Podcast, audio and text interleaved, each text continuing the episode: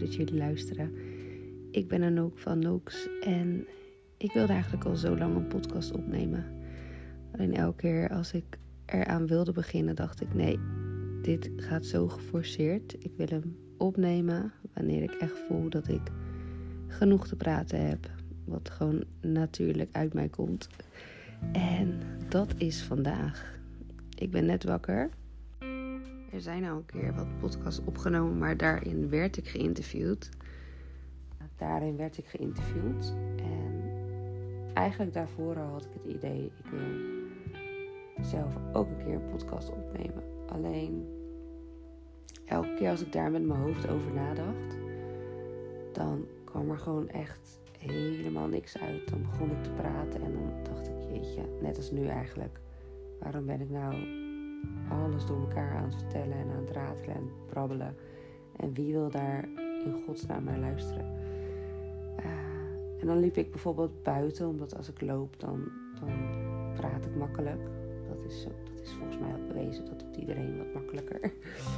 Maar dan was ik eigenlijk ook soms wel een beetje bezig van ja, wat als die meneer die achter mij loopt, die de hond aan het uitlaten is, al deze dingen hoort en, en hij loopt langs en hij kijkt me aan en ben ik weer afgeleid.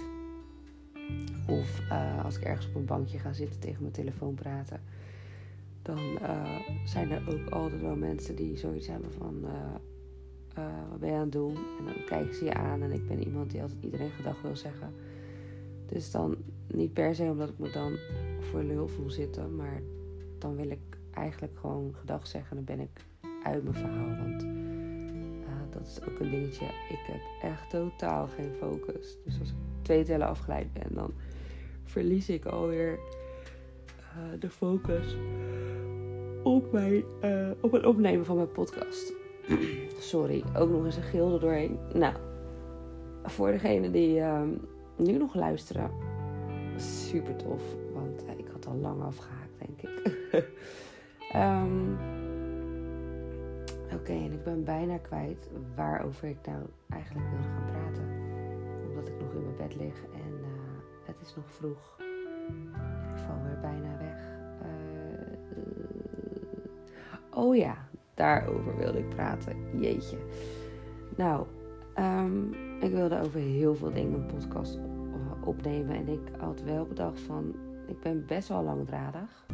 Ik vind dat heel leuk. En de ander die heeft zoiets van, Jezus, get to the point.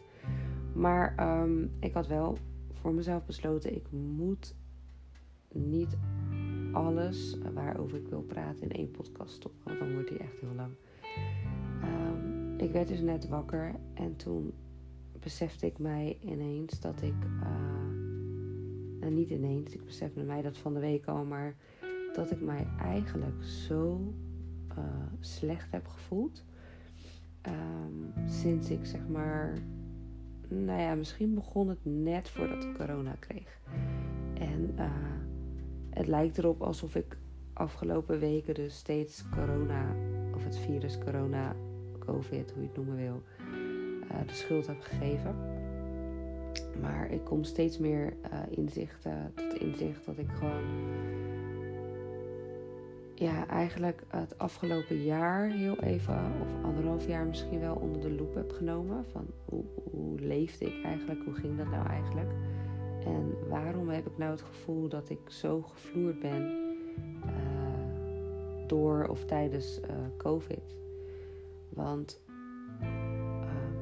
ja, ik, ik was er gewoon helemaal van overtuigd dat een, een gezond lichaam en een uh, gezonde mind, ja, hier er gewoon echt niet zo ziek van kan worden. Weet je? En, en echt onderliggende lijden, onderliggend lijden. Dat, uh, ja, het is niet voor niks onderliggend. Dat weet je gewoon niet altijd.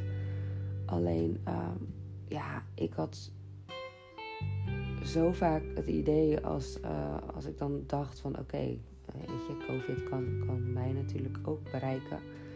Want ik denk dat iedereen het gaat krijgen.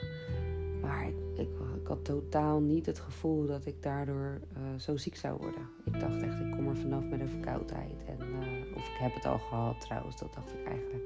En niet dat je het natuurlijk niet nog een keer kan krijgen. Maar ja, ik stond er gewoon echt zo in van, kom maar op, weet je wel. ja, geef het me maar, want dan heb ik in ieder geval weer een herstelbewijs.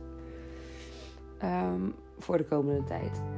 Maar goed, dus ik ben echt zo bizar hard teruggefloten tijdens uh, uh, ja, zeg maar mijn quarantaineperiode heb ik natuurlijk zoveel binnengezeten en zoveel op mezelf geweest. En uh, ben ik tegen zoveel dingen aangelopen, zoveel inzichten gekregen.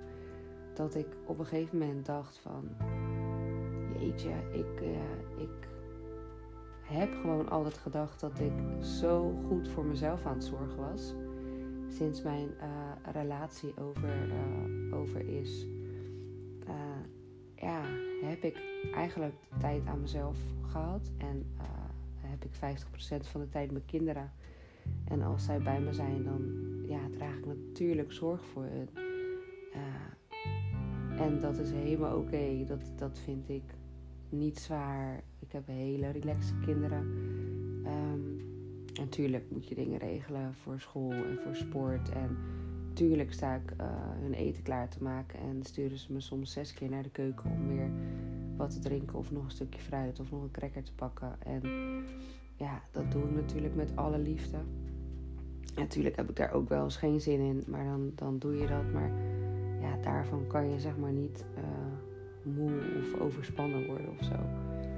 Maar ik kwam er gewoon achter dat ik. Uh, ja, ik was zoveel met, met uh, spiritualiteit bezig, met yoga, met uh, mindfulness, met um, access bar sessies geven, ook ontvangen, maar vooral geven natuurlijk, omdat het ook mijn werk is. power days organiseren, events organiseren, cacao ceremonies. En ja, dat is super, uh, voornamelijk super rustig werk, yoga lessen geven. Um, maar eigenlijk uh, stond ik er dus helemaal niet bij stil dat ik uh, continu ook in met dat soort momenten, in dat soort momenten natuurlijk ook heel veel aan het geven ben. En het, ehm, ik, ik, dus eigenlijk um, heb ik nu geleerd dat ik me dus voor dat soort dingen echt dat ik de tijd moet nemen om dus gewoon echt zo goed te gronden, zo goed te aarden, zo goed even bij mezelf te voelen van tot hoeveel energie heb ik eigenlijk weg te geven zonder dat ik heel veel van mijn eigen energie die ik nog nodig heb om te werken, uh, voor mijn kinderen te zorgen, uh, leuke dingen te doen. Hoeveel heb ik nog over, zeg maar, om, om weg te geven om dit soort werk te doen. Want ik, ik had mezelf ook gewoon heel erg aangeleerd of aangepraat, of ook natuurlijk wel ervaren dat dat soort dingen mij heel veel energie geven. Omdat ik het super fijn vind om mensen zich goed te laten voelen. Uh, en ja, als je zoveel waardering krijgt uh, nadat je een yogales hebt gegeven of een access bar sessie of power days hebt georganiseerd. En heel je inbox volstroomt met allemaal lieve woorden en dankbaarheid.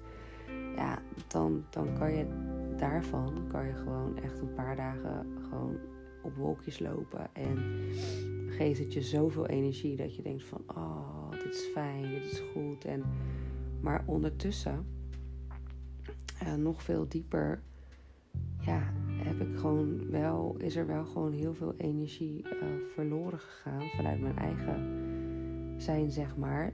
Um, wat ik eigenlijk helemaal niet door had, omdat het gewoon zo werd verbloemd door al die mooie berichten.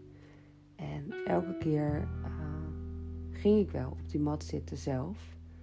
Alleen kwam ik er laatst achter dat ik gewoon 9 van 10 keer uh, muziek aanzet of een meditatie aanzet op mijn telefoon die dan naast mijn matje ligt.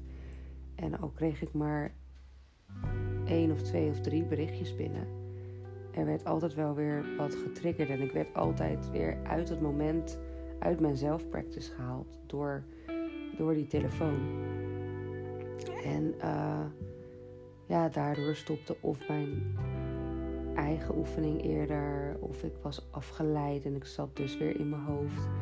En ik nam dus, weet je, voor het beeld nam ik wel de tijd om op die mat te gaan zitten. Maar eigenlijk als ik terugkijk, was ik helemaal niet vaak echt in dat moment, in mijn eigen moment, om mijn eigen energie weer op te bouwen. Dus ik ben, ja, ik had mezelf dus heel erg wijs gemaakt van nee, ik ben altijd eerst voor mezelf aan het zorgen. Eerst ochtends op die mat.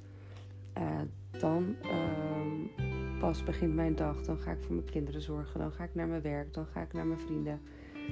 Uh, en dat, dat stukje was voor mij altijd van oké, hiermee moet ik het, hiermee doe ik het en hiermee trek ik het. Maar als ik zeg maar mijn afgelopen jaar een vogelvlucht even voorbij liet komen, de afgelopen weken, dan, dan heb ik mega veel dingen gedaan, leuke dingen gedaan, nieuwe mensen ontmoet, dingen georganiseerd. Uh, ik ben in die tussentijd twee keer of drie keer verhuisd. Ik heb best wel lang niet een eigen um, plek gehad. Tenminste, weet je, ik, was natuurlijk enorm dankbaar voor degene die dat weten dat ik een tijd bij mijn moeder mocht wonen. En nou ja, het zal iedereen zeggen van zijn eigen moeder, maar ik heb echt de meest lieve moeder van de wereld. Die, um, ja, die eigenlijk zo zorgzaam is dat, um, ja, dat ik eigenlijk daar zou kunnen achterover hangen en alleen maar liefde zou kunnen ontvangen.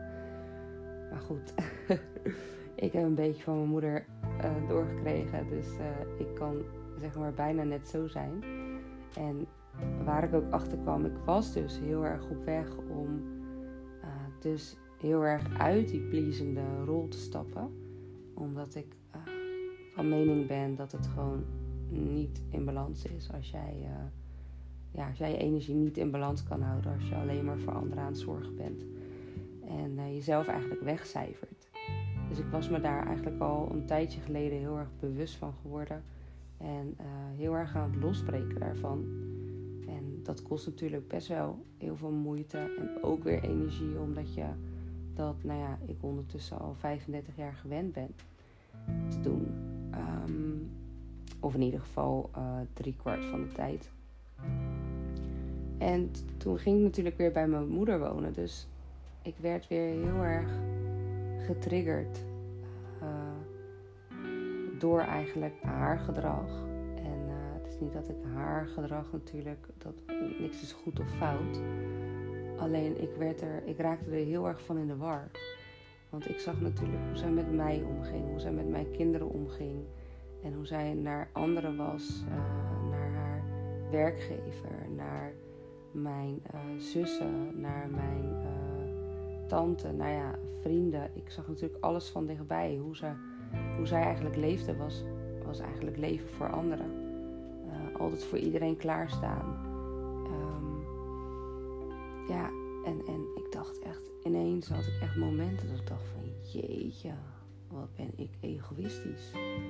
Ben ik nou zo egoïstisch dat ik elke dag opsta en natuurlijk zeg ik goedemorgen tegen mijn kinderen als ze al wakker waren. Maar ik ging gewoon uh, op mijn matje zitten.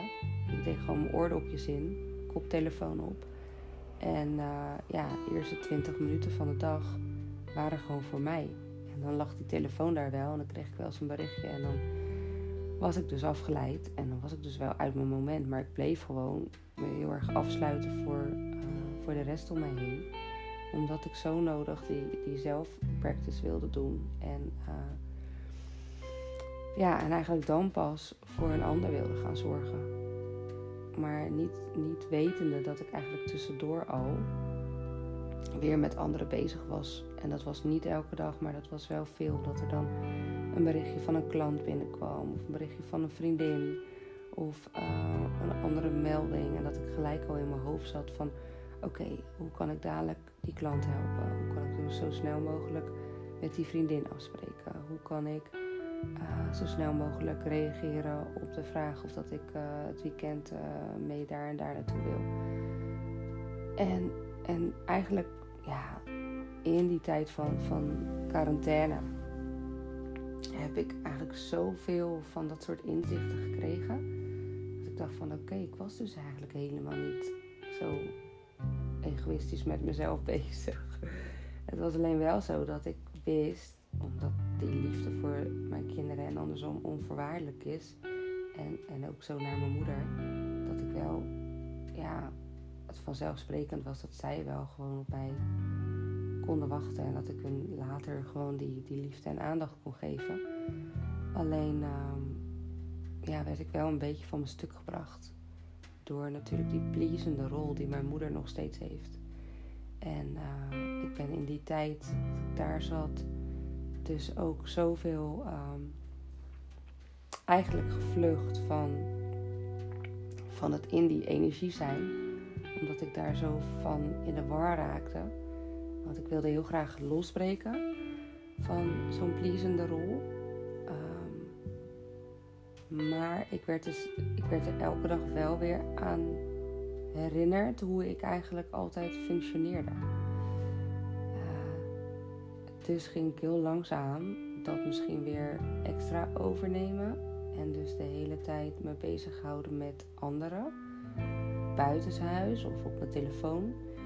En ik merkte gewoon op een gegeven moment dat ik dus eigenlijk nergens echt mijn rust kon vinden. Um, ja, en dat heeft mij denk ik echt genekt. Toen ik uh, zoveel, eigenlijk zo vermoeid was en daar overheen dus COVID kreeg. Toen ging dus echt het lichtje uit. En toen um, waren er dus gewoon echt momenten dat ik gewoon niet meer, helemaal niet meer kon voelen. Of me alleen maar ellendig voelde. Of alleen maar, uh, zeg maar, behoefte had om echt alleen te zijn. Omdat ik niks en niemand meer om me heen kon verdragen. En uh, ja, ik ben er best wel van geschrokken. Omdat ik eigenlijk altijd van nature zo positief ben. Ja, mezelf dat natuurlijk ook voor het grootste gedeelte heb aangeleerd. Om, uh, en ook weer van mijn moeder natuurlijk heb meegekregen. Wat aan de ene kant een super mooie eigenschap is. En heel fijn, omdat je wat sneller over dingen, minder leuke dingen heen kan stappen. En je sneller weer uh, kan herpakken. En ook heel erg het mooie van kleine dingetjes kan zien en kan waarderen.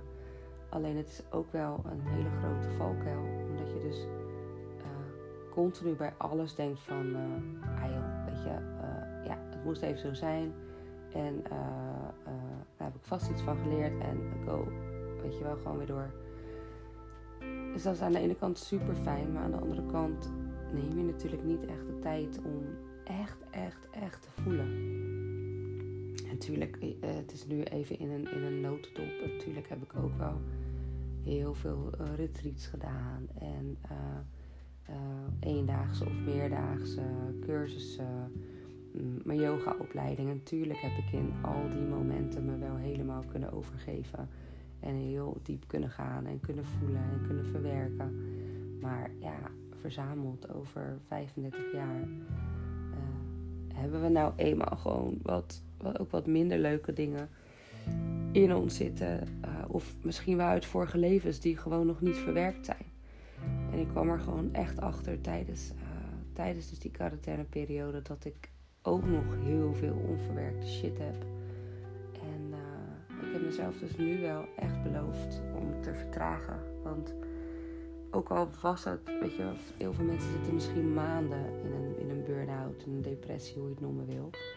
En voor mij, ja, ik wil het ook eigenlijk geen naampje geven, maar voor mij waren het misschien maar vijf weken dat ik me echt heel slecht heb gevoeld. Um, Alleen zelfs die vijf weken wil ik gewoon, dat wil ik gewoon eigenlijk niet meer meemaken. Uh, ik verloor echt gewoon een beetje mijn uh, levenslust. En dat klinkt misschien heel zwaar. Um, maar voor mij was dat ook echt super zwaar. Dat ik echt, ik proefde en rook ook niks meer. Nou, voor de mensen die mij kennen, ik ben echt een lekker bek. Ik, ik hou van eten, ik hou van lekker, uh, nou ja, niet per se, maar ik, ja, ik dacht echt, nou, als dit het is. nou, en die gedachte is natuurlijk vreselijk, want ik weet gewoon hoe mooi het leven is, hoe mooi het leven kan zijn. Ik ben echt een levensgenieter. En als ik dan een gedachte door mijn hoofd heb, uh, zien gaan, voelen gaan, van nou, als dit het is, ja, oh joh, ik ben echt zo geschrokken dat ik überhaupt dat kon denken. Ik heb mensen verloren. Mijn relatie is overgegaan. Uh, nou ja, ik dacht echt, de eerste keer vooral. Dit...